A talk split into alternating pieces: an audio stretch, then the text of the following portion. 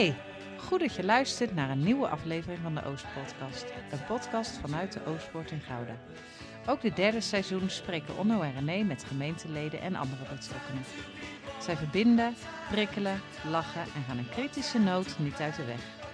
Het gesprek gaat over persoonlijkheid, achtergrond, het alledaagse en over geloven in alle seizoenen van het leven.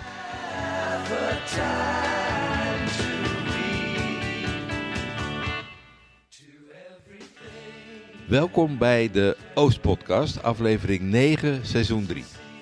Ons handelen en onze houding ten opzichte van de schepping heeft veel invloed op milieu en klimaat. We zijn onderdeel en afhankelijk van deze schepping. We gaan in gesprek met Gert Albertijn, al meer dan 30 jaar betrokken bij kerk en milieu. We willen met hem praten over hoe we zorgen voor de wereld om ons heen, onder andere op het gebied van gerechtigheid en duurzaamheid. En wat betekent dat voor onze keuzes en gedrag? René, waar gaan we het nog meer over hebben? Frustratie op de O-Sport-app. Het is echt moeilijk. Lekker in je groene genadebubbel. Het gaat gewoon over gebod 1 en 2. En DGNA. Kortom, Genoeg reden om jezelf even vast te plakken aan een tafel. kopje duurzame thee te zetten, Beetje vertrek koffie. lekker onder een kleedje te gaan zitten op de bank. En te genieten van deze aflevering. Veel luisterplezier. Gert, fijn dat je bent aangeschoven bij ons aan tafel. De meesten zullen jou kennen van de app. Je bent een fanatiek eh, reageerder en plaatser van eh, berichten in de Oostpoort-app. Met name als het gaat om duurzaamheid. Ja, en vlak uh, Teus de Otter niet uit, hè? Eh, serieuze vraag. Zat dat er al vroeg in bij jou, Gert? Ehm, ja, ik denk dat ik wel, wel behoorlijk met het sop overgoten ben van bij ons thuis. Dat we toch wel over heel veel dingen ook spraken. En eh, met elkaar ook van gedachten wisselden van eh, hoe sta je er nou eigenlijk in? Hoe ga je er nou mee om? En eh, hoe, hoe, hoe beleef je de dingen die je in je leven meemaakt? En wat doet het met je? En, en, en ja, word je er dan eh, eh, activistisch van? Of word je er droevig van? Of, Hm. eh, en ik, ik reageer wel heel veel op dingen, denk ik ook. En dat is ook wel een beetje een valkuil. Ik weet, mijn kinderen zeggen altijd tegen mij, als ik dan af en toe eens televisie kijk, dan bemoei ik me altijd met die praatprogramma's. En dan zeggen ze, nee pap, we hebben geen interactieve tv. maar dan, dan zit je natuurlijk toch altijd je eigen mening even te verkondigen tegen een of andere eh, geïnterviewde die dan in jouw ogen niet goed zegt. En Ja. dan, eh, ja, dan, dan ben ik heel actief aan het reageren. Ja. Oké, dit is wel fijn dat we deze achtergrond hebben. Maar je bent dus eh, van huis uit al wel echt op het spoor van milieu, klimaat, duurzaamheid gekomen dan? Ja, misschien, voor sommigen is het misschien wel een beetje een afgezaaid, eh, afgezaagd verhaal eh, over bomen gesproken. Maar ik, ik weet, ik had een hele lieve juffrouw in de tweede klas van de lagere school. En die deed toen een projectje om allemaal met een, eh, een potje naar school te komen. Er moest dan een eikeltje in en dat ding moest dan ontkiemen. Nou ja, en, en dat lukte natuurlijk, want dat gaat bijna altijd goed met zo'n eikeltje. En dan mocht je die plant mee naar huis nemen. Hm. Nou, ik weet nog goed dat ik toen naar huis ging en mijn vader zei van... nou, dan gaan we voor jou hier een stuk van de tuin inrichten. Dat wordt dan jouw tuin. Ja, dan, dat- ik weet, ik, ik- ja, het feit dat ik dat nu nog zo voor me zie... heeft dat gewoon heel veel indruk Ja. gemaakt. Het, het En feit dat wel- je iets... Welk jaar hebben we het nu over? Ja, dat is eh, denk ik eh 1968. Ja, precies. Ja. Ja. Ja, ja, Ja. ja, ja. Is dat een boom geworden eigenlijk? Ja, dat is heel grappig, want eh, hij is mee verhuisd toen wij van Woerden naar eh, Gouda gingen verhuizen. Toen is hij toch nog meegegaan op de grote aanhanger van het hoveniersbedrijf. Alleen eh, op een gegeven moment werd hij zo groot dat dat niet meer lukte. Dus toen heb ik steeds maar zaailingen meegenomen naar mijn volgende huis. Dus ik heb nog steeds een zaailing van die oorspronkelijke eik in mijn tuin staan. Grappig. En eh, nou, dat hoop ik nog lang vol te houden. Ja. En heeft deze Ja. achtergrond je ook geholpen de richting qua werk, wat je bent gaan kiezen later? Is, eh, 1968 was er iets letterlijk ontkiept in jou? Ja, nou, ik zat eigenlijk erg in een, een onderwijsfamilie. Dus ik had het idee van, ik word ook eh, eh, onderwijzer, leraar. Leraar Duits. Eh, nou ja, dat, Dat is je vader. had ik goed in de familie gebleven. Eh, uiteindelijk had ik toch, ik denk toch door het eigen tuintje meer met groen. En ben ik naar de middelbare tuinbouwschool gegaan. Toen in militaire dienst en toen de hogere tuinbouwschool. En toen had ik eigenlijk gekozen ook voor de richting eh, de tuin- en landschapsinrichting. En, ja, en daarna heb ik nog milieukunde gedaan in Den Bosch. En dat, dat, die kiem was letterlijk en figuurlijk wel gelegd dat ik gewoon heel veel interesse had in hoe dat met die natuur gaat. hoe groeit nou iets? En, en, en waarom, waarom groeit het dit hier en dat daar? En, en, en ja, hoe snel gaat dat dan? En, en wat kun je met groen? Wat is de toegevoegde waarde van groen? Dat kwam steeds meer in mijn werk wel. Ja. En, en nou ja, dat, dat zit er nu nog, nog helemaal in. Want ik ben nu eh, adviseur voor, voor bedrijven om de integrale duurzaamheid van hun product te bepalen. Dus dan kijk je waar komen de grondstoffen vandaan? Welk en hoeveel transport zit erin? Hoe gaat het bedrijf dat, dan, dat product dan maken, samenstellen? Hoeveel energie gaat erin zitten? Hoe wordt het dan gebruikt? Blijft het lang eh, in gebruik? Hè? Want hoe langer je dingen gebruikt, hoe duurzamer het vaak Ja. is. Mits je niet al te veel onderhoud hoeft te doen. En hoe komt het dan weer terug in de keten? Nou, dat vinden heel veel bedrijven erg interessant om toch te weten, op hoofdlijnen vooral. Om dan ook te kunnen kijken, waar kan ik mijn product nog verbeteren? Hoe kan ik innoveren, zodat het nog duurzamer wordt? En is het ook een beetje marketing gedreven, zoiets? Het is ook Eh, wel heel de- interessant om te zeggen, de- wij zijn duurzaam, wij de- zijn... Ja, er, er zijn wel partijen bij geweest die dat wel hadden, maar ik werk heel veel voor de organisatie van NL Green Label. En dat is wel een organisatie waarbij bedrijven dat vooral doen vanuit hun eigen intrinsieke motivatie. Van wij willen iets goeds toevoegen. Hm. En er zit ook wel bedrijven bij die dachten in het begin van nou, ik maak gewoon één klein niche productje bij mijn grote complete pakket.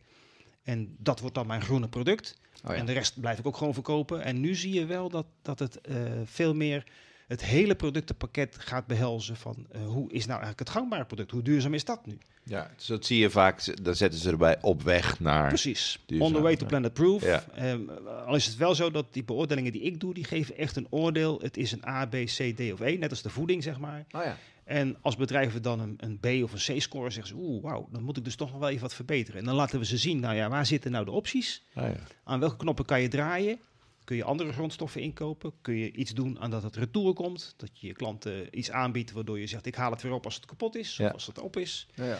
Dus zo probeer je ze te helpen, want ze willen eigenlijk wil iedereen wel naar die A toe natuurlijk, om te laten zien dat je een integraal duurzaam product hebt. Ja. Ja. Maar wa- waar wij dus groen zien, letterlijk, zie jij meer dan groen. Kan ja, nou ja, weet je, het is vaak zo, ook, ook een stuk kennis. Iedereen die natuurlijk eh, ja, van een bepaald onderwerp iets weet, die ziet er meer in dan een ander die er gewoon langs loopt. Dat is met heel veel vakken zo. Dat is met een medicus zo. Dat is met eh, iemand die heel veel van geluid weet zo. En ja, als ik langs het groen eh rij, dan zie ik natuurlijk eh, ja, grote, grote verschillen. Kijk, een, een prachtige eh, veld met bramen is, is prachtig. Maar dat geeft vaak aan dat je een enorm overschot aan, aan stikstof hebt, waardoor de andere planten eigenlijk geen kans meer hebben. Ja. Joh. Dus Dus waar wij gaan genieten. Toch, Ja. zijn, toch zijn ze wel lekker. ja, en ik zie ook heel veel mensen, nou, er staan dit jaar zoveel bramen, hè, we plukken maar raak. Top, nou, prima. top. Maar kijk even wat erachter zit, dat Ja. dat waarschijnlijk niet de natuurlijke groei eh, is, maar dat dat gewoon heel erg gestimuleerd wordt. Dus je bent eigenlijk langs een bramenkwekerij aan het fietsen en eh, nou ja, goed, op zich eh, blijft het groen, maar... Wat ik al zeg, de integrale duurzaamheid daarvan is, Ja. is wel sterk Maar afgenomen. hebben we ook eigenlijk wel een gebrek aan kennis. Hè? Gebrek aan kennis, dat is het. hem, eh, Ja. ja zeker. Ja, daar gaan we wat aan doen, eh, deze, deze aflevering. Eh, ehm, even nog terug naar die O-Sport-app. hè. Mhm. Als we, we hebben eens door die berichtjes gescrolld. Oh, oh. Van jou als, als het gaat om duurzaamheid. En daar zit ook wel een beetje frustratie in. Of, of, of zien we het Ja, niet helemaal goed? Ik, ik, ik, ik- ja, ik, ik, ik, eh, ik haast me te zeggen dat het eigenlijk niet mijn bedoeling is om dat door te laten klinken. Want feitelijk vind ik altijd dat je moet proberen om een positief verhaal neer te zetten. Vanuit een, een, een lonkend perspectief, wat iedereen zou moeten aanspreken. En niet zozeer vanuit een soort frustratie van, nou eh, mensen, het is zo slecht gegaan. We, eh, Maar goed, nu even rouw, Gert. ja, weet je, frustratie. eh, je, je- zelf ben je natuurlijk jarenlang al bezig met allerlei dingen eh, goed voor de schepping te proberen te doen. Zeg maar. Ja. Je probeert mensen daarvoor te, te, te motiveren en te inspireren.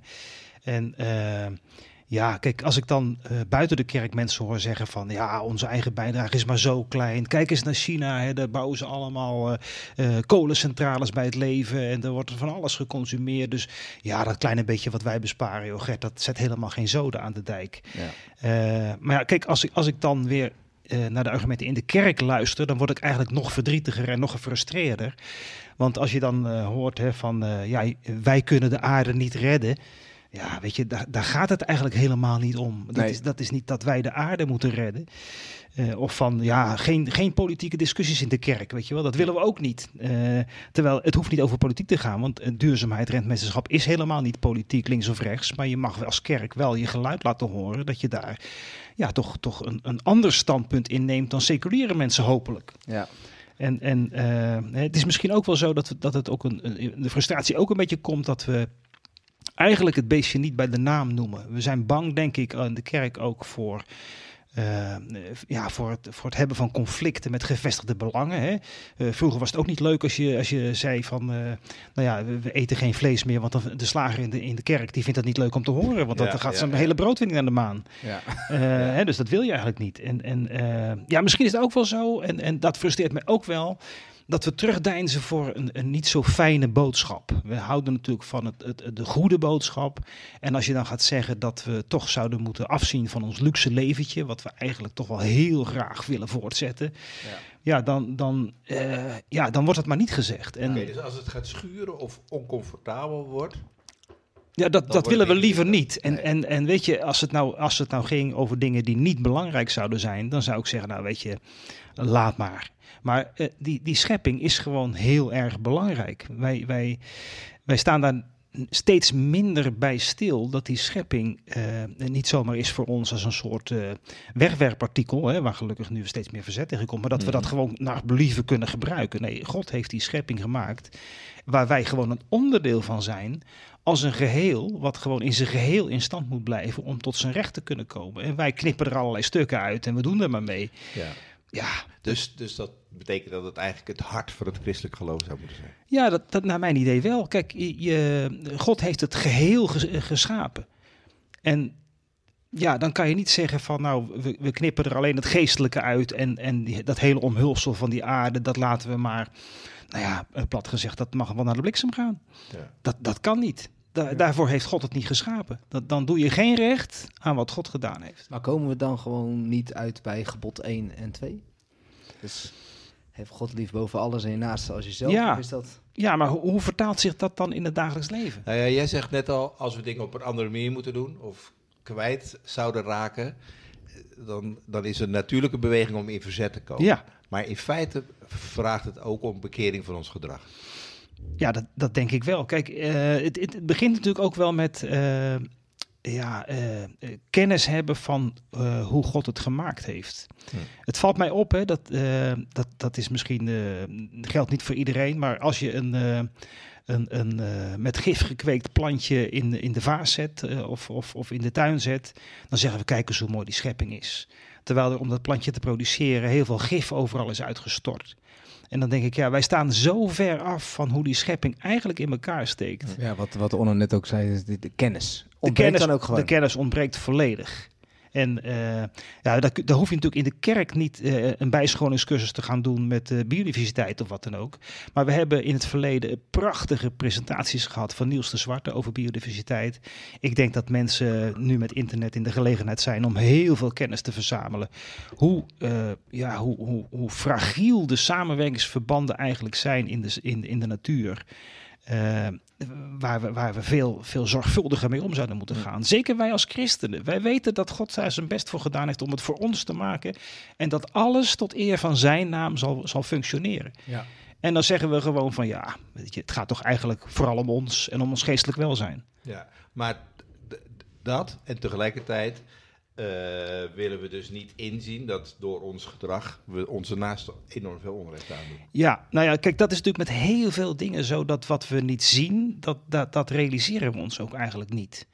Dus dat wij eh, allerlei eh, producten hebben die van all over the world hier naartoe worden gesleept, waardoor, waarvoor bossen worden gekapt, waarvoor olie wordt gewonnen om het allemaal te transporteren, waarvoor mensen voor hongerloontjes moeten werken om onze kleding te maken. Ja, eh, eh, dat, dat, dat vergt zoveel eh, van de aarde en dat kost eigenlijk nu al zoveel slachtoffers, hè, alleen door die productie al. Nou, dan komt daar nu bij dat het door de door ons veroorzaakte klimaatverandering nog meer slachtoffers gaat opleveren. Van mensen die huis en haard moeten verlaten omdat er geen druppel regen meer valt. Of omdat het juist totaal overstroomt. Of Ja. dat het door zeespiegelstijging het land, zoals in Bangladesh, onderloopt. In de voorbereiding lazen we dat de helft van alle vluchtelingen vluchteling is vanwege de eh, kli- klimaat eh, wat, nou ja, wat jij beschrijft, Ja. wat er misgaat. Ja, nou ja, kijk, en, en dan hoor je natuurlijk ook in Nederland, hè, waar we moeten een dam opwerpen tegen de tsunami van vluchtelingen. Dan denk ik, ja, eh, we- een, een deel daarvan veroorzaken we zelf. Ja. En dat is aan de ene kant natuurlijk een soort politiek verhaal. Aan de andere kant had ik de hoop, en, en vandaar misschien een beetje mijn frustratie, dat we in de kerk dat zouden duiden en zeggen, ja, wacht eventjes. Die mensen komen hier niet zomaar heen.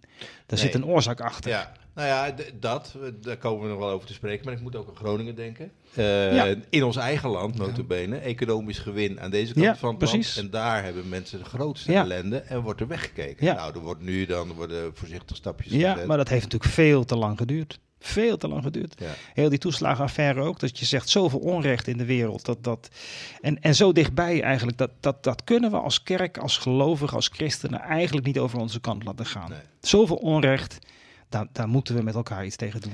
Nou, je, je hebt in je frustratie ook een theologische medestander. Eh. Inmiddels al twintig keer gearresteerd, Rosemarijn Ja, dat, van is, Tende. dat is jou nog niet. Nee. Zo, eh, zo, zo vaak ben je nog niet opgepakt, neem ik aan. Nee, Eh, gaan we het zo nog over Ja. hebben. Eh, we laten deze podcast een drietal stukjes horen van haar gesprek in de ongelofelijke po- podcast. Ook echt een must ja, listen, hoe Must moet listen. zeggen? Ja, zeker. Voor, mensen die nu naar ons ook Mhm. luisteren. Ehm, eh, we luisteren naar haar motivatie met betrekking tot haar frustratie. nu de klimaatcrisis voelt helemaal niet alsof dat nu aan de gang is. Mhm. Maar Kabbelen eigenlijk, gewoon door eigenlijk. ja, eigenlijk plegen we aanslagen op de toekomst. Plegen we aanslagen op mensen in het mondiale zuiden nu. Mhm. Dus is dat dan niet net zo erg? neem, ons, neem ons eens mee van waarom, eh, waarom is het zo erg? Ja, nou, eigenlijk. Ik bedoel, we vinden het allemaal vreselijk dat de Elfsteden toch niet meer kan doorgaan. Ja. Maar er zijn misschien wel ergere dingen. ja, zeker. Ja, het is eigenlijk alsof de aarde steeds meer koorts krijgt. En dat is al een tijdje aan de gang. En wij hebben in de hand hoe erg dat wordt. Het begint al steeds meer buiten onze macht te liggen. En eigenlijk hebben we nu nog een soort laatste afslag die we kunnen nemen voor het echt onbeheersbaar wordt. En ook dan kunnen we nog nou ja, bepalen hoe erg het wordt. Maar het punt is dat Mhm. eh, als we nog een beetje verder gaan, dan komen er bepaalde kantelpunten in beweging, waar die, waardoor die opwarming zichzelf gaat versterken. Mhm. En daar wil je niet zijn. Want, Ehm, want wat, wat gebeurt er dan? Nou ja, dan als het steeds warmer wordt, dan wordt de aarde steeds onleefbaarder. Dan eh, wordt steeds meer groter deel eh, van de wereld wordt woestijn. Komen er steeds meer conflicten, omdat er tekort aan eten is, tekort aan water. Komen er steeds meer natuurrampen. Het is bizar dat we nu daarin keuze hebben, maar we gaan eigenlijk gewoon door. We maken het eigenlijk nog steeds erger. Omdat dat is wat we gewend zijn. Omdat we geen zin hebben om daarover na te denken, om het beest in de bek te kijken. Of omdat we niet begaan zijn met mensen in armere landen. Mhm. En gewoon door de macht van de fossiele industrie en politici die niet leiderschap durven te nemen. Op je het kaf van je boek lees ik dat het gaat over rechtvaardigheid. Mm. En dat, dat is eigenlijk wat je zegt. Ja. Meer dan eh, bescherming van het milieu als op, op zich, maar je zegt het is echt een zaak van recht. Ja, dat klopt. Omdat, nou ja, je zou ook kunnen zeggen, dit is een vorm van kolonialisme. Omdat rijke landen nog steeds uitstoten en armere landen betalen daarvoor de prijs. Wij zelf betalen daar ook steeds meer de prijs voor en zeker in de toekomst. En de mensen die daar het meeste prijs voor betalen zijn kwetsbare mensen. Dus mensen die al dakloos zijn, eh, mensen die aan de rand van de samenleving leven. En het is ook op dit moment de mensen die in meer vervuilde gebieden van Nederland leven, die worden nu ook al benadeeld en zijn vaak ook armere mensen. Gert, de aarde heeft koorts en het is een vorm van kolonialisme. Ja, ze zegt wel rake dingen, moet ik zeggen. Dat, eh, kijk, eh, ze, doet het misschien wat radicaler dan ik, maar in, in essentie ben ik het wel helemaal met haar eens. Kijk, wij, wij profiteren nu van eh, goedkope arbeidskrachten ver weg. Hè? En eh, ik denk dat je zo eerlijk moet zijn dat je zegt, nou eigenlijk moet daar ook een eerlijk loon tegenover staan. Dan worden dus de zaken die wij hier kopen misschien wat duurder. Maar eh, we kopen toch al meer dan genoeg. Hè? Ik, ik, eh, ik, ik, ik moet ook wel de kanttekening plaatsen. Ik ben wel heel generalistisch in wat ik zeg. Eh, en dat, dat komt ook omdat het in zijn algemeenheid voor ons als Nederlanders zo geldt. Maar je hebt natuurlijk ook in onze kerk mensen waar, waar dat helemaal niet speelt. Die heel veel moeite hebben om de eindjes aan elkaar te Ja. knopen. Dus die denken dan soms, ja, waar heeft die eh, jongen dat over? Eh, daar, daar gaat het natuurlijk niet om. Maar in zijn algemeenheid zijn wij natuurlijk in, in, in de Oostpoort en überhaupt in de kerken toch wel gestelde mensen. En, en permitteren we ons heel veel uitgaven die ten koste gaan van eh, mensen elders in de wereld. En ehm, ja, wat, wat de koorts van de aarde betreft, dat is ook, ook zoiets aparts. Kijk, eh, om nog even terug te komen op die frustratie. Kijk, als je dan hoort van wij kunnen de, de, de aarde niet redden, dat, dat, dat, ja, dat, dat, daar, daar gaan mijn haren wel een beetje van, van, van staan. Want eh, kijk, wij hebben die aarde inmiddels eh, behoorlijk in onze greep. Eh, door ons gedrag raakt die temperatuur gewoon op drift. Eh, wat eigenlijk een uitgebalanceerd systeem was eh, door de draaiing van de aarde, door de stand van de aardas, door de stand van de zon, eh, hadden we een soort opvolging, natuurlijke opvolging van ijstijden en, en, en, en warmere periodes. En nu zie je die temperatuur eigenlijk in, in ongekende snelheid stijgen. En dat lijkt dan allemaal niet zo'n heel groot probleem. omdat je denkt, nou weet je, dan wordt het zomers gewoon twee graadjes warmer, Mm. prima.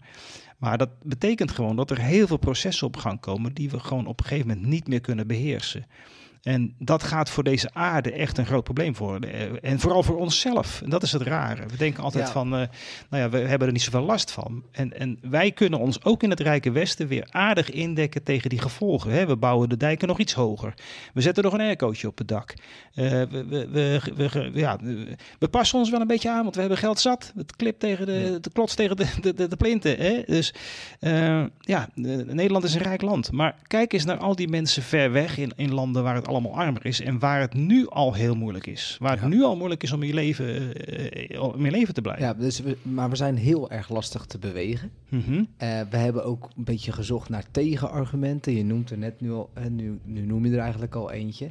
Ehm, maar laten we een aantal tegenargumenten even eh langs gaan. En misschien dat jij daar jouw visie op kan geven. Mhm. De wereld wordt toch vernieuwd als Jezus terugkomt, Gert. Waar maak je je nou tot druk om, man? Ja, ja. nou ja, ik, ik, ik hoop dat ook. En ik hoop wat dat betreft eigenlijk dat Jezus ook heel snel terugkomt. Want dan zijn er nog minder slachtoffers, eh, zeg maar.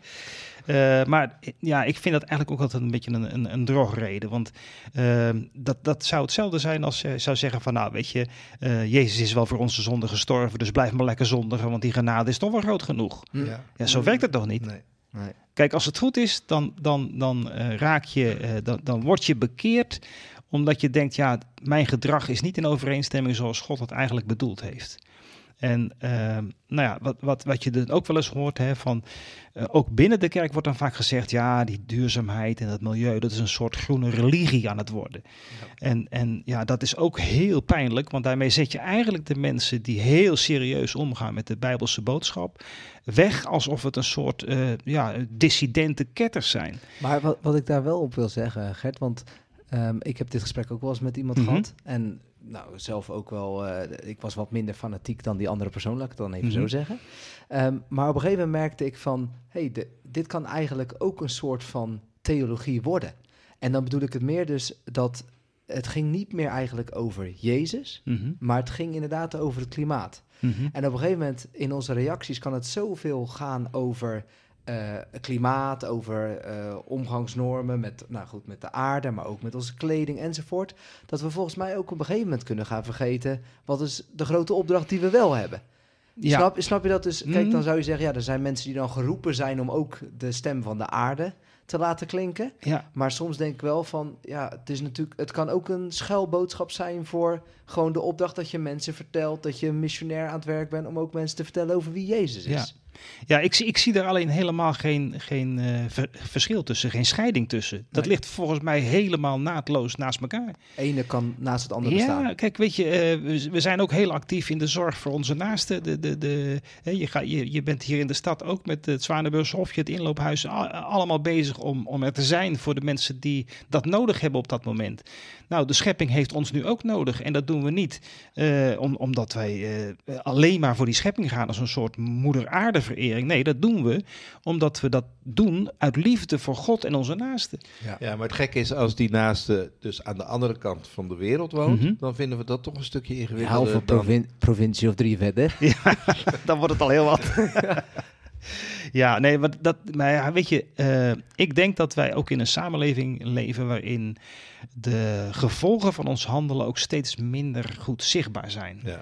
Hè, en en eh, weet je, ik, ik eh, wil helemaal niet zo ver gaan zoals eh, ja, dat je bepaalde beroepen zou moeten eh, verbieden of zo. Hè. Maar als je nu eh, die beelden ziet van hoe bij ons in Nederland varkens worden gefokt. ja, ik denk als mensen daar een weekje in die stallen rond zouden lopen en je ziet hoeveel, hoeveel leed er eigenlijk is, dat iedereen zou zeggen, nou varkensvlees, dat eet ik toch niet meer. Terwijl het natuurlijk vroeger bedoeld was, een varken is eigenlijk een prachtig beest, intelligent dier, wat heel veel afvalstoffen van ons nog kan opeten.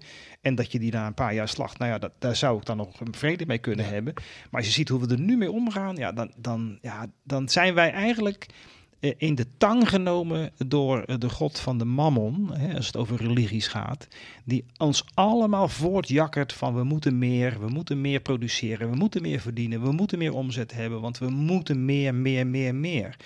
Uh, terwijl, hè, we hebben het, jullie hebben er vast ook wel over gelezen. Als je daarna gaat dat 50 jaar geleden al professor Goudswart al de boeken schreef over de economie van het genoeg. Hè, Ja. Die man die dat ook deed vanuit christelijke principes. Dan denk ik, je hebt dus twee, drie generaties nodig. Wil dat besef indalen dat we op deze economische weg gewoon een doodlopende weg zijn ingeslagen. En dat het anders zal moeten. En, en, en dat gaat vroeg of laat een keer gebeuren. Ik hoop alleen eerder zodat er minder leed ontstaat voor de, voor de schepping en voor de mens. Argument nummer twee. Het klimaat verandert altijd. Het komt niet door mensen. Ja, nou weet je, dat, dat is eigenlijk. eh, ja, ik zie dat op Twitter ook nog wel eens voorbij komen. Ehm, het, het is een beetje zo van. ehm, eh, ik, ben iets ouder dan jullie. Eh, ik, ik weet uit de overlevering dat de reclames voor roken, die werden ook nog heel lang door artsen aangeprezen. Van ja, Camel moest je hebben, want dat was eh, heel goed voor je. En eh, door de tabakslobby is ook heel lang eigenlijk dat roken doorgegaan. Cruijff nog. Peter, Ja, precies. Precies, nou ja, exact, exact. En eh, ja, zo is het natuurlijk met klimaatverandering ook. Dat ze zeggen, ja, dat komt niet door ons, dat is niet zo erg. Wij doen maar een heel klein beetje. En natuurlijk, als je kijkt naar het aandeel CO2 eh, in, in, deze, in, in, hè, eh, in, in de, in de lucht, dan zeg je, ja, ons aandeel is daar misschien heel beperkt in. Maar het is net als bij een katalysator. Het is net een beetje dat schepje wat er bovenop komt, wat de hele boel in beweging brengt. Dus ja, we verstoren het gewoon. En, en vergeet niet, hè, wij denken altijd van ja, dat kleine beetje van, van mij, dat, dat kleine, dat, die ene keer naar Barcelona of die ene keer weet ik veel waarheen. Eh, dat, dat gaat inmiddels wel over heel veel mensen. Hè, dus miljoenen mensen die allemaal hetzelfde doen.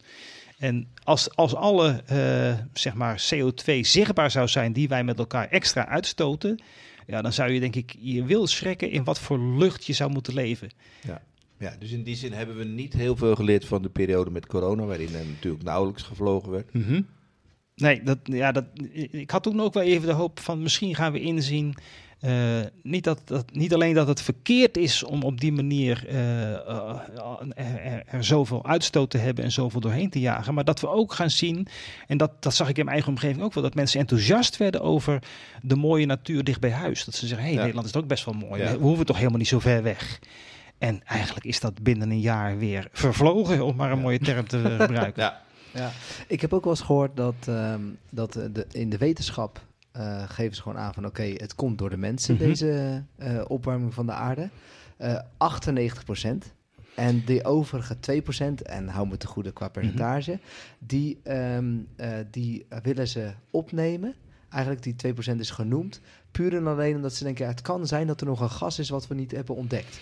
Dus in principe, de 98% van de opwarming is totaal, dus eigenlijk dus 100% toe te schrijven aan ons gedrag. Dus het heeft niet meer te maken met het feit dat er een natuurlijk verloop is. Nee, zoals precies. dat vroeger eh, ook wel gebeurde. Ja. Maar dat, is wel, dat moet toch ook een soort van eye-opener zijn. Nou ja, weet je wat je natuurlijk ook sinds corona hebt gezien, is dat er in de samenleving een enorme eh, groep mensen is ontstaan die overal complotten inzien.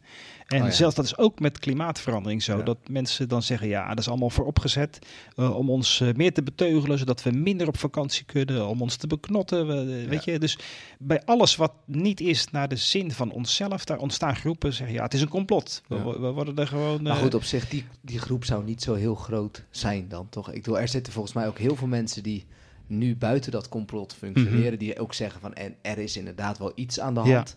Die ook wel geloven, zo'n IPCCC, Ja. wel, eh, dat de rapporten die uitkomen, eh, maar gewoon nog steeds heel veel moeite hebben om die keuze te maken. Ja, Ja. Ga- ga- we gaan straks natuurlijk ook over die Mhm. invulling nog door. Maar Mhm. ehm, eh, nummer drie. Hernieuwbare energie is slechts een manier om geld te verdienen. Ja, Ping Dat- ping. ja, nou ja, je, je wil niet weten economische wat bijvoorbeeld die Gerrit Hiemstra over zich heen krijgt eh, als hij het weerbericht eh, brengt en over het klimaat vertelt. Dan zegt hij, ja, hij, hij verdient er gewoon geld aan.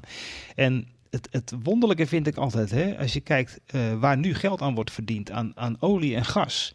Daar worden een aantal bedrijven echt stinkend rijk van. En aandeelhouders, niet te vergeten. En hun aandeelhouders. En dat vinden we allemaal prachtig. En eh, nou, zou er een keer iemand wat verdienen aan zonnepanelen en, en windenergie, dan wordt het opeens eh, vies eh, gevonden en dan wordt er wat van gezegd. Terwijl dat gewoon bedrijven zijn die nu inspelen op de, op de nieuwe technieken om duurzame energie op te wekken. Ik kreeg vandaag nog een appje van, joh Gert, hoe zit dat nou eigenlijk? Want ik heb net een verhaal gelezen van iemand die dat helemaal heeft uitgezocht. Een, een onbekende nono overigens. En die zei van, eh, ja, de, de, de- het kost veel meer energie om zo'n windmolen of zo'n zonnepaneel te maken dan die in zijn hele levensduur eh, kan opwekken. Dan denk ik, ja, daar komt weer zo'n verhaal langs, Ja. zo'n, zo'n, zo'n, wat, wat nergens op gebaseerd is, maar om, om maar die verwarring te blijven voeden van, zie je wel, ook die zonnepanelen en ook die, die windmolens, die zijn ook niet goed.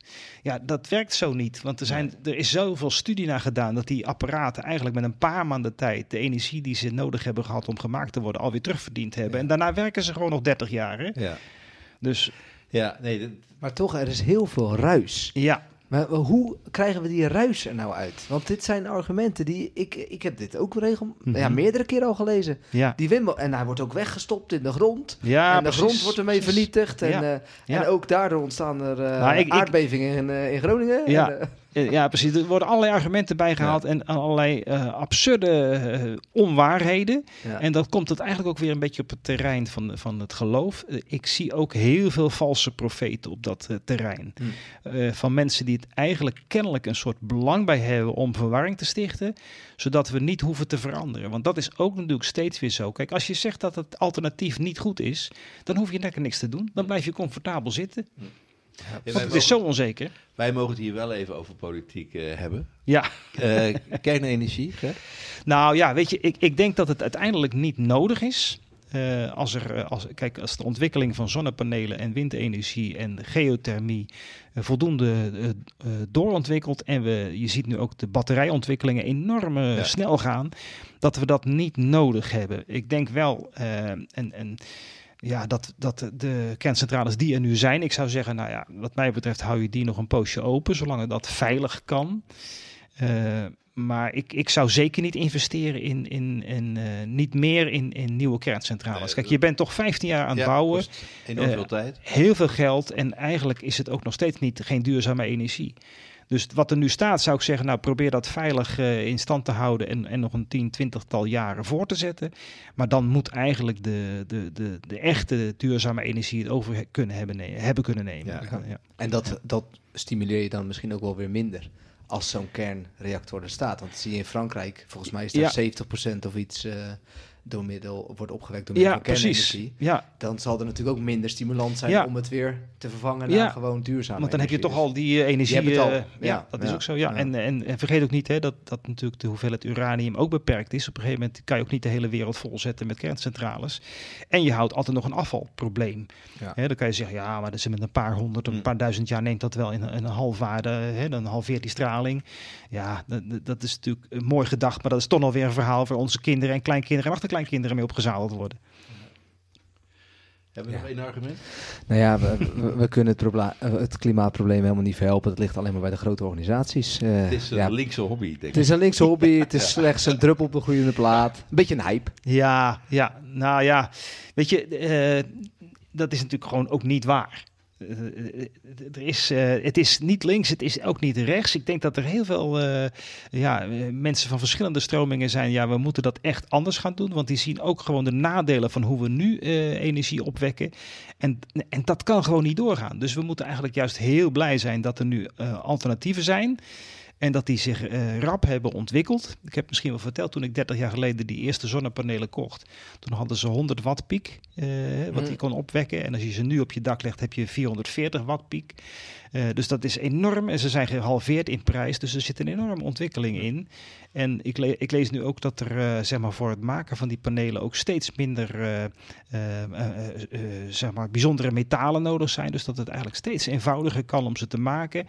Ja, dan, dan voorzie ik eigenlijk daar een hele grote toekomst voor. En we moeten alleen oppassen dat je, als je kijkt naar bijvoorbeeld de, zonne-energie, dat we niet weer in dezelfde valkuil stappen en dat we die eh, zonne-energie op laten wekken door landen waar we weer afhankelijk van worden. Dus ik denk dat we eh, voor wind- en zonne-energie eh, zelf ook behoorlijk zelfvoorzienend moeten gaan worden.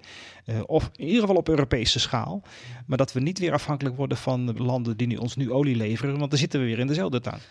Dus en eh, nou Wat ja, zou je vinden van het idee om alle rijkswegen gewoon te overkappen met zonnepanelen? Ja, dat, dat, dat kan. Alle, alle- ik denk niet dat dat echt hoeft. Het is een leuk idee. Ik zag pas ook met fietspaden dat het ook eh, werd, werd overkapt. in plaats van dat je de, de, de vloer maakt van zonnepanelen, die worden, die, die worden stuk gereden. Maar een overkapping eroverheen is, is best wel goed. Ja, Het scheelt Kan wel een wel- regenjas. Ja, maar wat dacht je ook van, van een hoop herrie? Ja. Je vangt herrie af. ja. Je zorgt ervoor dat eh, de, de stikstof, tenminste die, die eh, wat is het? Al die, eh, Creatief idee. ja, die fijnstof. al die ja. fijnstof, Ja, die kan je afvangen. Ik Ja. bedoel, die pomp je zo de grond in en je hebt, en je hebt die lelijke, de lelijke rijkswegen. Ja. Maar goed, Ja. zal Nee. denk ik een investering zijn. Ja. Een kleine investering. En ik denk ook dat we nog, nog veel moeten doen aan energiebesparing. Hè? De- want eh. Minister ja. Hugo de Jonge die heeft natuurlijk nu ook eh, de, de mond vol en terecht van meer bouwen. Maar ik denk dat je die alle nieuwe huizen, alle nieuwe gebouwen moet je gewoon helemaal energie-neutraal bouwen. Ja. En eh, je moet elk dakvlak wat er is gewoon benutten voor zonne-energie.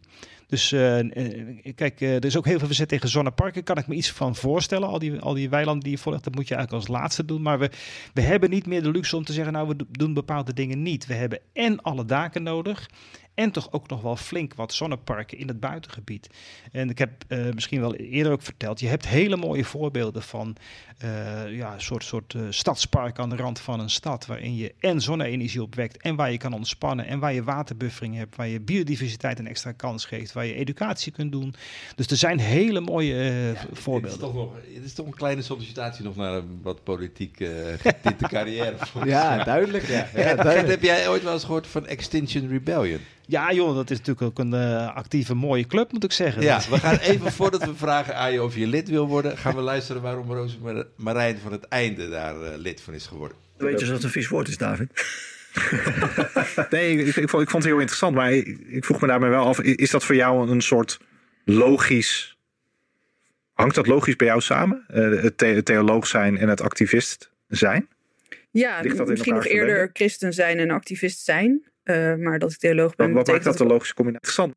dat troost. Rouwen op zo'n manier dat je... We zaten nu een beetje te verkennen ook theologische, religieuze eh, ideeën. Je zegt, achter dan weet de- je dat het een vies woord is, David. Nee, ik, ik, vond, ik vond het heel interessant, maar ik, ik vroeg me daarbij wel af, is dat voor jou een soort logisch, hangt dat logisch bij jou samen? Eh, het, the- het theoloog zijn en het activist zijn? Ja, Ligt dat in misschien nog eerder christen zijn en activist zijn. Eh, maar dat ik theoloog ben, Wat, wat maakt dat een logische combinatie voor jou? Ja, als je de eerste twee geboden serieus neemt, dan kun je eigenlijk niet anders, denk ik. Als je God lief hebt boven alles. Wij krijgen van God deze prachtige schepping cadeau. En we doen er dit mee. Hmm. Dat is geen liefde. Dat is, nou, als- op z'n zachtst gezegd ondankbaarheid. Op z'n ergst gezegd haat. Hmm. Ehm, of onverschilligheid.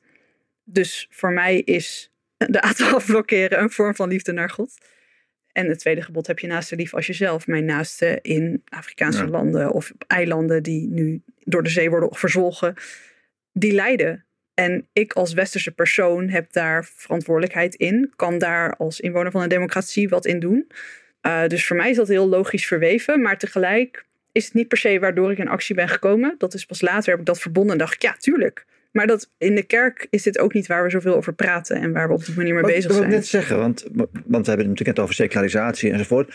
En de suggestie kan weer makkelijk eh, wek- eh, eh, gewekt worden dat dan weer de schuld is van de heidenen, zeg maar. Dat de christenen het altijd goed deden, maar eigenlijk is het, eh, die christenen hebben ook een waardeloze reputatie op dit gebied, toch? Ja, en ook weer eigen haakjes om het niet serieus te nemen. Ja. Want als je vertrouwen hebt op God, ja, waarom zouden we dan iets moeten veranderen? God die redt ons toch wel en er komt toch een nieuwe hemel en een nieuwe aarde in plaats van hernieuwde aarde. Dus we hoeven nu niks te doen. Het zijn allemaal manieren om niet over verantwoordelijkheid na te denken. Zou jij eh, jezelf aansluiten bij Extension Rebellion, eh, Gert?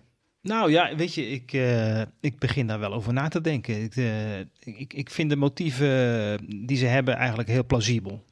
Als ik zie waarvoor ze het doen en van waaruit, dan denk ik, ja, ik, ik herken daar wel veel van.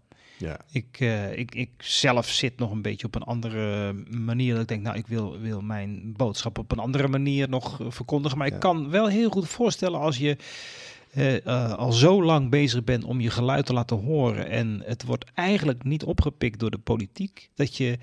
Nou, dat je, dat, je, eh, ja, dat je probeert om meer op te vallen. Dus ook, ook, ook daar effecten hebben waarvan je denkt dat valt op. En we, eh, we, we leggen de vinger op de zere plek. Dat is Ja. onze mobiliteit. Ja, en het gaat erover de volgende dag bij de koffieautomaten. Precies, Ja. precies, precies. Ja, is- Maar goed, jij, jij bent natuurlijk iemand die in onze appgroep ook wel enigszins gefrustreerd. Som, Ja. Tenminste, hè, je zei net al, ik haast me om te zeggen dat het niet zo is. Maar wel een klein beetje gefrustreerd Ja. wat dingen neer, eh, eh, wat neerzet. Ehm, je zegt, ik ben er eigenlijk ook al heel lang mee bezig. Mhm. Eh, laten we dit thema dan eens naar de kerk terugbrengen. Mhm. Zou jij dan een soort van als een activist ook binnen onze gemeente jezelf ook willen neerzetten met het doel van jongens, wakker schudden of... Ja, ik, ik, ik hink een beetje op twee gedachten. Aan de ene kant denk ik, je moet soms een beetje eh, schokken, shocking zijn om, om, het, om het los te maken, zo'n onderwerp. Om te zeggen, nou weet je, kijk nou toch eens naar de gevolgen van ons gedrag. Ja. Kijk eens wat wij veroorzaken eh, voor, voor, voor onze naasten. Eh, vooral verder weg, maar ook, ook dichtbij. Hè? Want eigenlijk door ons gedrag hebben we een enorme eh, kloof tussen rijk en arm. Ook hier in Nederland laten ontstaan. Ja, daar heeft Dick, Dick natuurlijk ook wel wat over gedeeld eerder in de podcast. Ja, ja. Aan de andere kant denk ik van ja, weet je, ondanks dat je gefrustreerd kunt raken, eh, eh, moeten we elkaar ergens zien te vinden. Kijk, eh, Jezus verkondigde een boodschap van liefde. Je moet, je moet, ja, je moet eigenlijk ja, naast elkaar staan om, om, om te zeggen van, nou weet je, we, we zien al die problemen in de wereld. We kunnen dat zelf niet oplossen, maar met hulp van God en, en met steun van elkaar kunnen we wel kijken van wat is onze verantwoordelijkheid en wat zijn onze mogelijkheden om toch ons steentje daarin bij te dragen. Ja, hè? maar je, je noemde al eh, gebod 1 en 2 Mhm. al eerder. Ehm, maar dat zouden we dan toch ook wel terug moeten zien in de kerk. Als jij ook al 30 jaar hiermee bezig bent, wat, wat zie je dan terug in de kerk? Hoe groen is onze kerk? We Ja. al een bordje, hadden een mooi bordje. Voor de verbouwing hadden we een mooi bordje voor eh, de Groene Kerk. Hè. Ja. We waren in de Oostpoort een van de eerste groene kerken van Nederland. En nou, er is ook heel veel al gedaan. Hè. Dus, dus onderschat het ook niet. Er zijn heel veel eh, hele interessante lezingen geweest van Renier van den Berg, van, eh, van Niels de Zwarte. Nou, ja, eh, allerlei interessante dingen. God die, in de supermarkt. God in de supermarkt vergeet hij inderdaad Ja. niet. Van Alfred Slomp. Die ook heel veel mensen aan het denken heeft gezet van... Wat, wat richt ik eigenlijk aan met mijn koopgedrag? Maar Gert, wees eens eerlijk. Wij hebben in de voorbereiding even gekeken op de website van Groene Kerk. Mhm. En wij voldoen toch niet meer aan de, aan de criteria die zij gesteld hebben. Nee, ik, ik, kijk, ik, ik ben ook eigenlijk wat dat betreft blij dat hij niet meer ophangt. Want eh, we, we geven er nu onvoldoende invulling aan. Als ik, als ik eh, heel schoolmeesterachtig zou zijn, dan zou ik zeggen, we hebben een vette onvoldoende. Inkoopbeleid. Ja, We dat, worden niet meegenomen Nee. in... dat is al 30 jaar een worsteling. Ja, En ja, daar, daar kun je ook niet trots op worden, zeg Nee. Dus, nee. En kijk, eh, met het energieverhaal worden nu alle zeilen bijgezet, maar dat kwam eigenlijk alleen maar kosten gedreven. Eh, niet vanuit ons hart, maar, maar vanuit, precies, niet vanuit ons hart, maar vanuit de Ja. portemonnee. ja. Tuurlijk ben ik blij dat er naar gekeken wordt, maar het is eigenlijk natuurlijk heel laat. Nee. Het is niet vanuit ons hart. Ja, we zijn geen frontrunners. Nee, nee, niet meer. Nee, nee we hebben dat een tijdje wel gehad, eh, maar eh, we hebben dat. eh, ja, eigenlijk is het blijven liggen. Het, het is, het is Wat, gewoon. wat is eigenlijk, hebben wij als gemeente een visie op, op groen zijn en duurzaamheid? Nou, er staan mooie stukjes natuurlijk in het beleidsplan van rentmeesterschap. Hè, dat we zorg moeten hebben voor de aarde. Eh, we hebben ook jarenlang wel een heel leuk ja, actieplan gehad met activiteiten die de kerkraad zou kunnen ontplooien. Die we als, ge- als gemeente gezamenlijk zouden kunnen Ja, ontplooien. dat is een van die- de criteria om groene ja, kerk te zijn. precies. En dat, dat heeft een aantal jaren goed gewerkt. Want ik vind het nog steeds leuk dat heel veel mensen mij nog aanspreken. eh, dat ze zelf nu ook die zonnepanelen hebben. En dat we in de kerk die actie ook hebben gestart, hè, jaren geleden. Dus, maar ja, daarna is het eigenlijk een beetje, beetje in het slop geraakt. En eh, kijk, het, hoeft niet altijd zo heel activistisch te zijn. Je hoeft ook niet altijd direct tot actie over te gaan. Maar het gaat erom dat het een onderwerp moet zijn wat gewoon ja, leeft, waar, waar, waar mensen het over hebben, waar, waar, waar je niet moet, moet zeuren over eh, welke kopjes gaan we gebruiken. Oh, toch maar weer bekertjes. En hoe gaan we dat dan allemaal afvoeren? Nou ja, niemand weet in welke container, Ach, in welke eh, prullenbak ze moeten hebben. Precies, Ja. het is eigenlijk een hoop getop. Er zit helemaal geen, geen, geen wil of visie achter eigenlijk. En, en eh, het wordt nu gezien als we- wat moeten we allemaal doen? Nee, laten we nou even kijken van, kijk, wij, ons gaat allemaal die aarde aan het hart, neem ik aan. Dan ben je toch als christenen eh, eh, ja, heel nieuwsgierig van hoe kunnen wij onze impact positief laten zijn in plaats van negatief. Ja. Dan zou je toch alleen maar positieve dingen in de kerk willen horen. Hoe wij kunnen helpen om de natuur niet verder te bes- beschadigen, maar juist te helpen om biodiversiteit te bevorderen. Ja, nou, ik denk als het, het is ook best een ingewikkeld eh, onderwerp, ook in verandering van gedrag. Eh, dus we hebben elkaar ook nodig. Ja, Maar hoe zou dat dan vorm moeten krijgen? ja ik, ik, ik denk dat het. ehm, ja, weet je, we hebben het nu eh, heel lang geprobeerd met, met, eh, met bottom-up, zeg maar. Dus met mensen die vanuit de gemeente allerlei dingen hebben bedacht. En daar werd dan naar gekeken door de kerkraad en soms werd dat ook doorgevoerd. Nou, prima. Eh, uiteindelijk zie je, en dat zie je net als met de parallellende samenleving, waar het op neerkomt, is dat er een visie moet zijn van mensen die aan de knoppen kunnen draaien.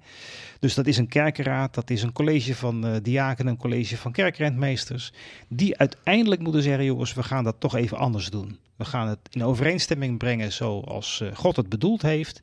En dan kost het misschien geld, maar we gaan, eh, we gaan, eh, we gaan moeten voorkomen dat ons gedrag meer nadelen tot gevolg heeft dan, dan ons eigenlijk realiseren. Oké, dus het gaat vooral om onze naasten. Ja, Want eigenlijk is eh, de, de, de armen en de, de mensen zonder stem zijn eigenlijk het slachtoffer. Of Mhm. dat nu in onze samenleving is of aan de andere kant van de wereld. Ja. En als je niet, je kan wel beleid maken, maar als het niet geënt is op een visie, en dat is in dit geval God liefhebben en je naasten, Mhm. ehm, ja, dan heeft het geen kans van slagen. Nee, ik denk dat, dat het helpt om eh, te laten zien dat bij elke beslissing die we doen, wat de gevolgen daarvan zijn voor onze naasten, dichtbij en ver weg.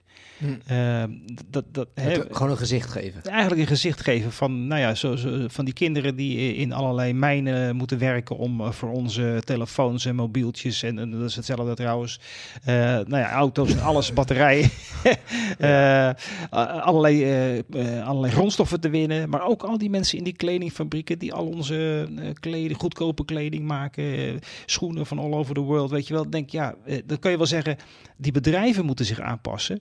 Eh, en die moeten het goed doen. Nou, die worden eigenlijk door de Europese Unie al behoorlijk eh, op een vestje getikt. Maar wij als consument gaan ook niet vrij uit. Nee, nummer, nummer één staat eh, spullen. Als Ja. het gaat om wat het Op de impact. meest slecht Ja. is en het meeste impact heeft Ja. op... eh, We moeten echt ons spullen gewoon veel minder kopen. ja. Maar dit is toch ook wel een hele impopulaire boodschap. Als je nou Instagram ziet, of als Mhm. je even de, de marketingmotor, Ja. Als je dat, dat hele apparaat ziet. De ene keer heb je een reclame met eh, iemand die, eh, nou, het- is eh, de, wereld verandert en Mhm. eh, dat pandaatje gaat dood en die gaat dood en niet vliegen. En de volgende is van eh, het volgende, wat is het, reisbureau wat je aangeeft dat je voor 199 euro naar Turkije kan. Ja. Het is Ja. natuurlijk continu eigenlijk eh, twee gevoelens of Ja. zoiets die, Ja. die gemixt worden. Ja. Maar, maar René, laten we nou eerlijk zijn. Hè? Wij, wij, wij zijn mensen die geloven in, in Jezus Christus. Amen. Dat, dat hij gestorven is voor onze zonde aan het kruis en weer opgestaan. Dat hij de macht heeft over hemel en aarde. En dat we daarbij willen horen. Ja. En dat we hem willen dienen. En dan laten wij ons inpalmen door de God van de mammon. Door altijd maar alles te willen kopen wat iemand die Jezus Christus niet kent ook heeft. Worden we dan gelukkig? Dat lees je toch niet in de Bijbel? Het staat toch nergens in de Bijbel dat we allemaal veel meer spullen moeten hebben? Ja. Maar toch is het wel, het, eh, ik heb gehoord dat eh, bijvoorbeeld 50% korting, eh, volgens mij hebben we het vorige keer ook wel eens over gehad, hè? 50% eh, korting wat je dan aan bord ziet of een tweede product gratis, Mhm. dat creëert zelfs endorfine Ja, in je hersenen. Ja. Ofwel, het is dus het gelukshormoon. ja, dat ja. is best... Nou ja, weet je, ik, ik denk dat, dat wat dat betreft zi- zijn we eigenlijk een beetje aan een fopspeen gelegd hè? Ja. door de commercie. Want als je echt ziet hoe mooi die schepping is, Ja, dan heb je al die remram niet nodig. Als jij bij de Reeuwse plassen staat en je ziet die zon ondergaan En je hoort de vogels daar. En je ziet dat water kabbelen. En je ziet nog de prachtige planten. Weet je, dan kan je zeggen, ja, dat is heel soft. Maar dat is veel meer waard dan dat je weer een, een of andere drukkerij op, eh, eh, achter het, eh, voor, om- in het, op Schiphol staat. Om ergens naar een ver land weer in een druk hotel aan een, aan een, aan, in een rij te staan om je eten te krijgen. Met, met, met een vol zwembad, weet ik veel wat. Weet je, wat, wat, wat zoek je? Wat zoek je nou eigenlijk als mens? Ja, dit, eh, wat, wat betekent dat voor de inrichting van hoe wij kerk zijn met elkaar? Is dit nou een boodschap die we dan ook moeten horen op zondag? Waarin we elkaar dus kunnen aanmoedigen? Ja, ik, ik denk het wel. Ik denk dat we, eh, als, je, als je het evangelie hoort, dan, dan gaat het niet over eh, je schatten verzamelen hier op aarde om daar gelukkig mee te worden. Dan gaat het erom dat je Jezus Christus leert kennen en wat die voor jou betekent. En ik denk op het moment dat we echt doorhebben wat die voor ons betekent, ja, dan ben ik bijna te fel, maar dan, dan zou er een heleboel van die last af moeten vallen om altijd maar het allerbeste en het allernieuwste te hebben. Een nieuw mobieltje, een nieuwe auto, weet ik veel wat, allemaal weer. Dan gaat het toch uiteindelijk niet om. Het gaat toch om, uiteindelijk of we Jezus kennen. Ja. En laat al die andere dingen, ja, laat dat nou eens wat van vallen. Dan heb je misschien ook nog wat meer geld om aan de kerk te geven of aan je naaste te geven. En, en we hebben het over die naaste, maar vergeet ook niet, hè, in Romeinen 8, vers 9, daar staat dat, die, dat de schepping rijkhalsend uitziet, dat openbaar wordt wie Gods kinderen zijn. Nou ben ik geen theoloog, maar als je bijvoorbeeld eh, de Groene Bijbel leest of je leest dat boek van Trace van Montfort over eh, groene, groene theologie, dan, dan, dan kan je toch niet anders zien dan dat die schepping eh, ook eruit ziet dat wij ons gedrag aanpassen, aanpassen aan, aan de wil van God zodat die schepping niet steeds maar blijft lijden onder ons gedrag. Ja. Maar goed, ik ben misschien wat ja. moralistisch, maar weet je, het is, het is me in de afgelopen 30 jaar niet gelukt om op een vriendelijke manier Nee, dus, heel veel dus misschien impact te moet jij hebben. je ook vastkleven En- aan en misschien... Ja, misschien kan je Ze zullen toch wel heel raar opkijken als ze op tafel zitten.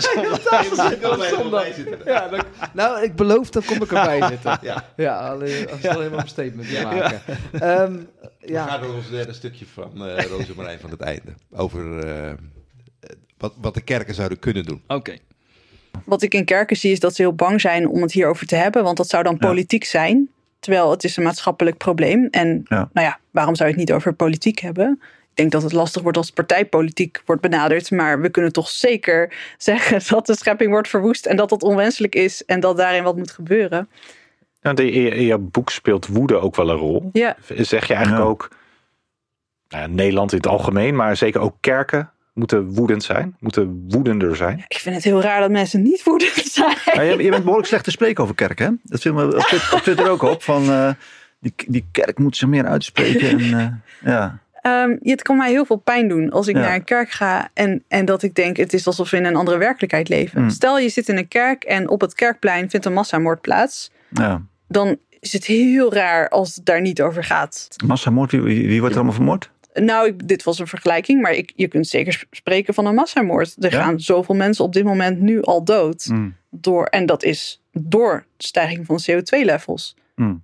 En daarvoor kunnen we kiezen dat dat stopt. Dus je kunt zeggen dat het een indirecte massamoord is. Jij vindt En eigenlijk gek zeker dat het niet elke week in de kerk daarover gaat. Eh, ja, ik vind het gek dat het daar niet meer toe wordt Hmm. verhouden. En, dat we, en zeker met de urgentie dat we ons verhouden van misschien hebben wij wel een taak. Een massamoord, eh, Gert. Ja, dat is natuurlijk wel even schrik als je dat eh, hoort zeggen. Ehm, maar zij, zij brengt het wel heel beeldend. En ik denk dat het ook wel nodig is om eh, voor het voet, voetlicht te brengen dat ons gedrag dat wel tot gevolg heeft. Het Ja. heeft alleen buiten ons gezichtveld plaats. Hè? Ja. Het, is- het zit op hele andere delen van de Ja, je wereld. ziet het gelukkig nu wel, het wordt steeds meer zichtbaar.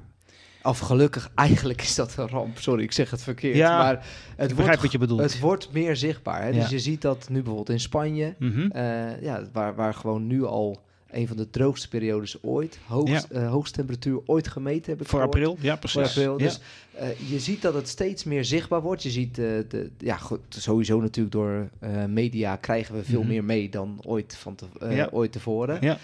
Waardoor het ook steeds meer duidelijk wordt echt wel dat er een probleem gaande is. Volgens mij helpt dat ook wel, maar is het misschien een beetje te laat?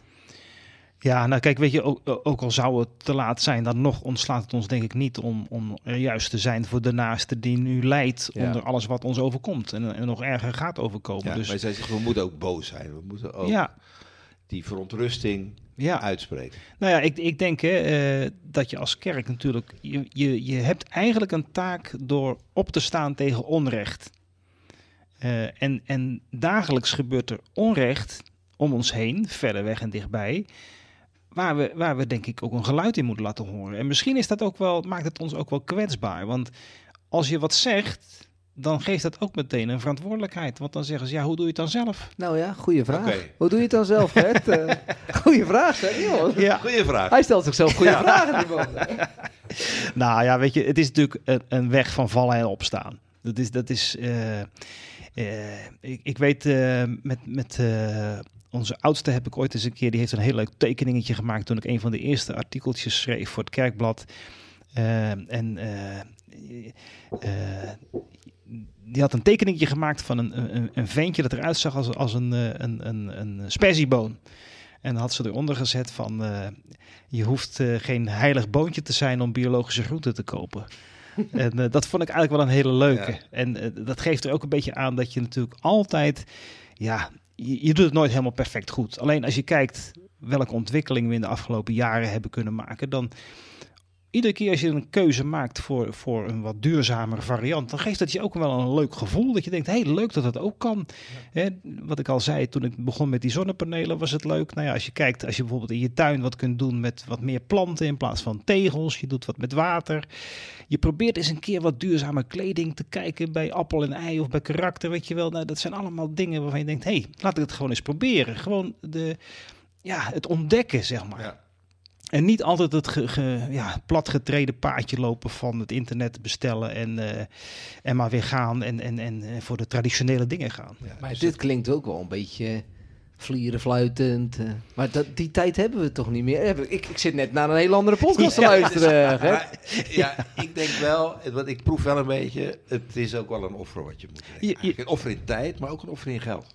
Ja, want kijk, weet je, als je bijvoorbeeld kijkt, als je het verpakkingsloos zou willen boodschappen doen, Ja. dan is dat Kan in maar onze- in één supermarkt in Nederland. Ja, maar dat is eigenlijk niet te doen. Je krijgt zoveel, zoveel rommel erbij. Ja. En als je alleen maar verantwoorde spullen wilt kopen, dan is dat ook moeilijk. Want dan moet je heel veel dingen zelf uitzoeken. En het is duurder. Ja. En daardoor kun je andere dingen weer niet doen. Ja. Dus het is, het is niet alleen maar makkelijk. Maar eh, ge- geef eens voorbeelden uit je eigen leven. Als jij een meetlat hebt, hoe, hoe ziet die meetlat eruit?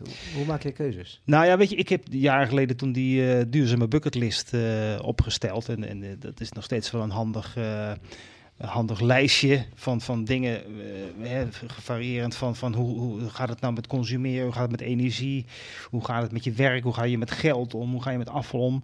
Om met een aantal dingen toch bij iedere aspect van je leven even na te denken, ja, hoe, hoe, hoe duurzaam doe ik het nou eigenlijk? Ja. En ehm, ja, kijk, volmaakt wordt het natuurlijk niet, dat hoeft ook niet, maar het is wel heel leuk om daarmee bezig te zijn. Het is vooral ook leuk om dat met elkaar te doen. Je zou eigenlijk, eh, net als je ja, met, met, met bijbelstudiegroepen of met, met andere kringen, zou je eigenlijk gewoon die bucketlist eens door moeten nemen en kijken van, joh, hoe, hoe- doe jij dat nou eigenlijk? Hoe heb jij dat uitgevonden? Want ongemerkt... zijn- broodje Oostpoort omgezet naar een, eh, Nou ja. een broodje duurzame ja, buurtlist. nou ja, weet je, ik, ik was al wel verheugd. Er zijn ook wel lichtpuntjes hoor. Want eh, de laatste keer, geloof ik, volgens mij met die, eh, barbe- die barbecue. Toen was er al veel meer eh vegetarisch Dat klopt eh, zeker. Ja, dat aanbod klopt dan zeker. voor die tijd. Ja. Dus op zich Ja. zie je natuurlijk wel dat er Nou, en ook het broodje Oostpoort was ontwikkelingen volgens zijn. mij, eh, vega. Nou, kijk eens aan. Ja, Oké. ja, Nou, heel goed. ja, heel ja. goed, heel goed. Ja. Nee, ik, ik denk dat je, ze- dat je, dat je het eh, leuk kunt maken door elkaar in, eh, in te stimuleren. Van joh, wat heb jij gevonden? En, en, en eh, ik zoek dit of dat. Hoe ga je dat doen? Ik zou leuk zijn als bijvoorbeeld die, die eh, Groene Genade app daar nog wat meer voor gebruikt zou Ja, worden. want even nog die Groene Genade groep, leeft dat nog? Nou ja, de werkgroep die, die is er nog wel. Eh, al is het wel heel hard nodig dat er weer wat nieuwe mensen bij komen. En dan liever wat jongere mensen eigenlijk. Ja, je bent nou toch aan het woord. Doe een oproep. Wat, Ja. wat, kun, wat zoek je voor iemand? Nou, ik zoek eigenlijk gewoon eh, betrokken jongeren die vanuit eh, een, een, een, een, een christelijk perspectief mee willen, willen denken van hoe, hoe, hoe geef je nou als christen handen en voeten aan, aan rentmeesterschap? Ik noem het eigenlijk liever in plaats van rentmeesterschap rentdienaarschap. Hoe wil je nou Nou ja. eigenlijk die schepping een beetje en, en- God nou dienen? Ja, en, dan, en ons als kerk meenemen. daarin meenemen. En eigenlijk een soort eh, nou ja, eh, eh, gevraagd en ongevraagd advies geven aan, aan de kerk. Van joh, we zijn dit op het spoor gekomen. Als kerk doen we vaak dit. Of als persoon ja, he- hebben we bepaalde dingen ontdekt dat je dat beter kunt doen. Als het gaat over je huis of over, over meubilair of over kleding of over voedsel. En dat je op die manier eh, elkaar probeert te stimuleren om, om, de, om de dingen toch anders te doen. Om onze footprint anders te maken. Ja, Ben, dus- ben- ben je dan nu ook tevreden als je naar je eigen inrichting van je... eh ja, tenminste even je normale Nou ja, weet je, eh, eh, nee, nee, ik ben eigenlijk nog niet, helemaal niet tevreden nog. Maar dus je bent 30 jaar bezig en dan ben je dus... Want dat lijkt me ook een soort van demotiverend. Ja, nou, je moet, je moet de lichtpuntjes hebben. Kijk, als ik bijvoorbeeld kijk naar de energie, dan vond ik het superleuk om met mijn huis bezig te zijn.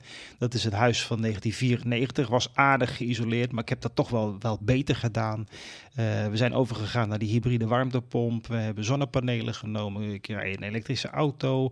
Ja, je, je- dat is wel heel erg leuk. En, en misschien is het, eh, ja, is het een beetje geslachtsgekoppeld. Maar als je kijkt naar die, die appjes die je dan hebt, hoeveel energie opwekt. En wat je dan in eigen huis houdt zonder dat je hoeft eh, de, dat af te nemen van het energiebedrijf. Denk ik, ja, dat is gewoon superleuk. Ja. Dat is gewoon een soort sport. Om zo min mogelijk te gebruiken. En ja, eh, water probeer je minder te gebruiken. Een paar regentonnen. Je probeert je tuin wat aan te passen. Dus dat lukt wel.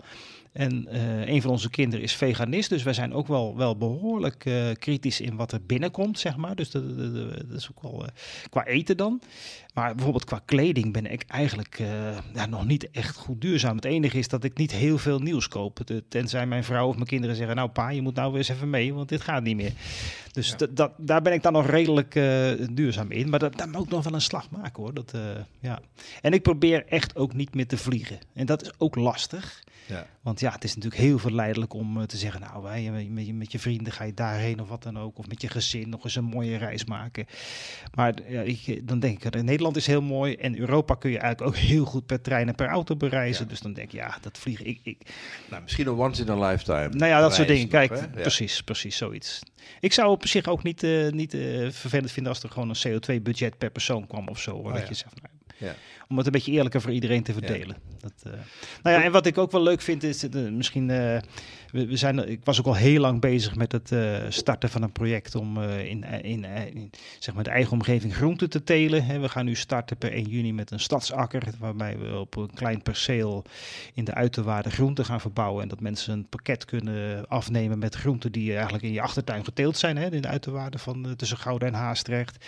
En dan willen we ook ja, kijken of we dat op een sociale manier ook kunnen doen. Dat het ook toegankelijk is voor mensen met een wat smallere beurs. Zodat je nou ja, ook, ook eh, gezond eten eh, vanuit de regio kunt krijgen op je bord. Nou ja, dat, is, dat is ook een klein stapje. Dat is ook leuk als dat zou kunnen. Dus zo op die manier probeer ik eh, nou ja, in het klein wel eh, stapjes te zetten. Ja. Maar het is, ik moet ook nog wel stappen maken hoor. Maar Ja. dan is het juist ook leuk. En, en dat, dat, dat zocht ik ook wel een beetje. Is dat je in de kerk dan ook niet alleen geloofsgenoten tegenkomt. Maar ook eh, nou ja, zoeksgenoten of duurzaamheidsgenoten. Die ook met jou mee willen zoeken. Van ja, hoe gaan we ons leven nou toch meer in overeenstemming brengen met hoe het eigenlijk bedoeld is. Ja. Nou, ik denk dat je daar een goed punt ook raakt. Want wat, ja, wat, wat is het? We hebben eigenlijk een soort hulp nodig. Ja. Als je dit wilt doen, heb je gewoon Ja. elkaar nodig. Nou ja, misschien moeten we maandelijks eh, die bucketlist eh, met de buurman in de kerk maar eens eh, bespreken. Doornemen. Ja. ja. Wij hadden ook nog een eh, afkorting. eh, Ja, gemaakt. ja, ja, ja, ja. Nou ja, jij hè. Ja, maar goed, ik vond het wel gaaf bedacht. Hoor, Nou ja, er is ooit, eh, hebben we wel eens een kijkdienst gehad in de Oostpoort, waarin armbandjes werden Ja. uitgedeeld met WW. JD. Ja, What would Jesus do? do? Ik dacht van, misschien het... Was dat plastic hè, dat gaat dat niet was meer. wel plastic. Dat- dat is niet meer van deze tijd. Maar misschien moeten we ons afvragen van eh, of we met keuzes die we maken, of acties die we doen, of, of eh, aankopen die we doen, dat we onszelf afvragen of we God dienen, de naaste of onze aarde. Dus dan krijg je de afkorting DGNA. Ja, ik vind hem heel mooi gevonden. hoor. Als we die nou, Ja. als jij die op je bucketlist Ja. erbij kan laten ja, drukken. dat, Dat is niet zo goed voor het papier. Hè? Ja, bij de er liggen nog heel wat in bucketlists. de herziene versie. Ja, Nou, je, hebt- je, ik zou, je ging ook een duurzame app maken. Ja, die is, die is er ook, maar die moet ook nog weer nieuw leven ingeblazen worden. Want weet je, de, die punten die erop staan, die zijn na één of twee jaar ook wel weer toe aan een update. Ja. Want dan, eh, zo is Oké. het ontwikkeld. Maar ik vind jouw afkorting eh, DGNA heel goed. eh, hem die, mee. die houden we erin. Gebruik hem voor jezelf. Wij gaan Ja. hem ook gebruiken. Ja, ik, ja, en maar inderdaad, het heeft ook wel wat stimulans nodig. Ik denk Ja. dat dat ook de conclusie is. Natuurlijk, we hebben misschien eh, nu het gezicht. naast de aarde, maar ook letterlijk gezicht van de naaste. Ja. Die hebben nu laten zien, van, ook de roep van eh, kijk ook naar mij, eh, heb oog voor mij. En niet alleen doe, doe je ooglep op, maar vooral doen wat je zelf wil. Maar goed, daarnaast hebben we natuurlijk ook wel het feit dat wij, ja, we worden vanuit alle kanten eigenlijk gestimuleerd om tegenover gedrag, eh, tegenovergesteld gedrag te laten zien. Dus eigenlijk helemaal geen duurzaam Mhm. gedrag. We moeten vooral juist consumeren. Eh, dat wordt ook tegengewerkt met argumenten en al die dingen meer. Eh, dus, dus het is echt wel een soort van vechten, vind Ja, ik. maar ja, ik het misschien- soort van strijden. Ja. Misschien daarom ook is een deel van mijn frustratie wel dat je eigenlijk zoekt naar, naar, naar de, de, de manier waarop de kerk je kan, kan voeden, kan vertroosten in die, in die worsteling met eh, ja, toch het onvolmaakte van deze aarde. Maar dat je toch dat zoekt wat zo min mogelijk schade eh, berokkent voor je naaste en de schepping.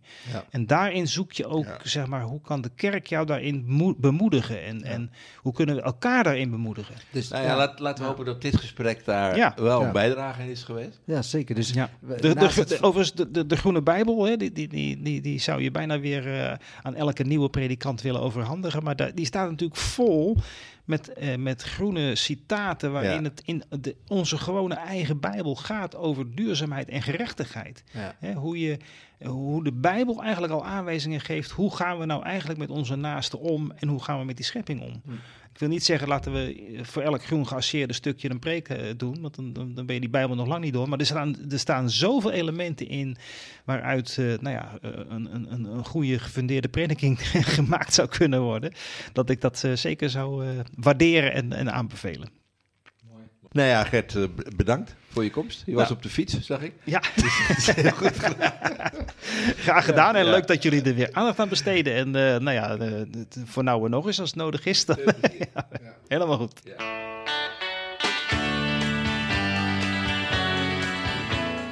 Bedankt voor het luisteren naar deze aflevering. Hopelijk ben je geïnspireerd, bemoedigd of is simpelweg je reis een stuk sneller gegaan. Heb je een vraag, opmerking of wil je iets delen naar aanleiding van dit gesprek? Geef het dan door aan Onno en René. Spreek ze aan of laat een berichtje achter in de Oostport-app. Vinden ze leuk? Deze podcast is gemaakt door Onno Kastelein en René Rijn met technische en contentondersteuning van Lisa Bos, Bob Luursema en mijzelf, Marjolein Ouwerkerk.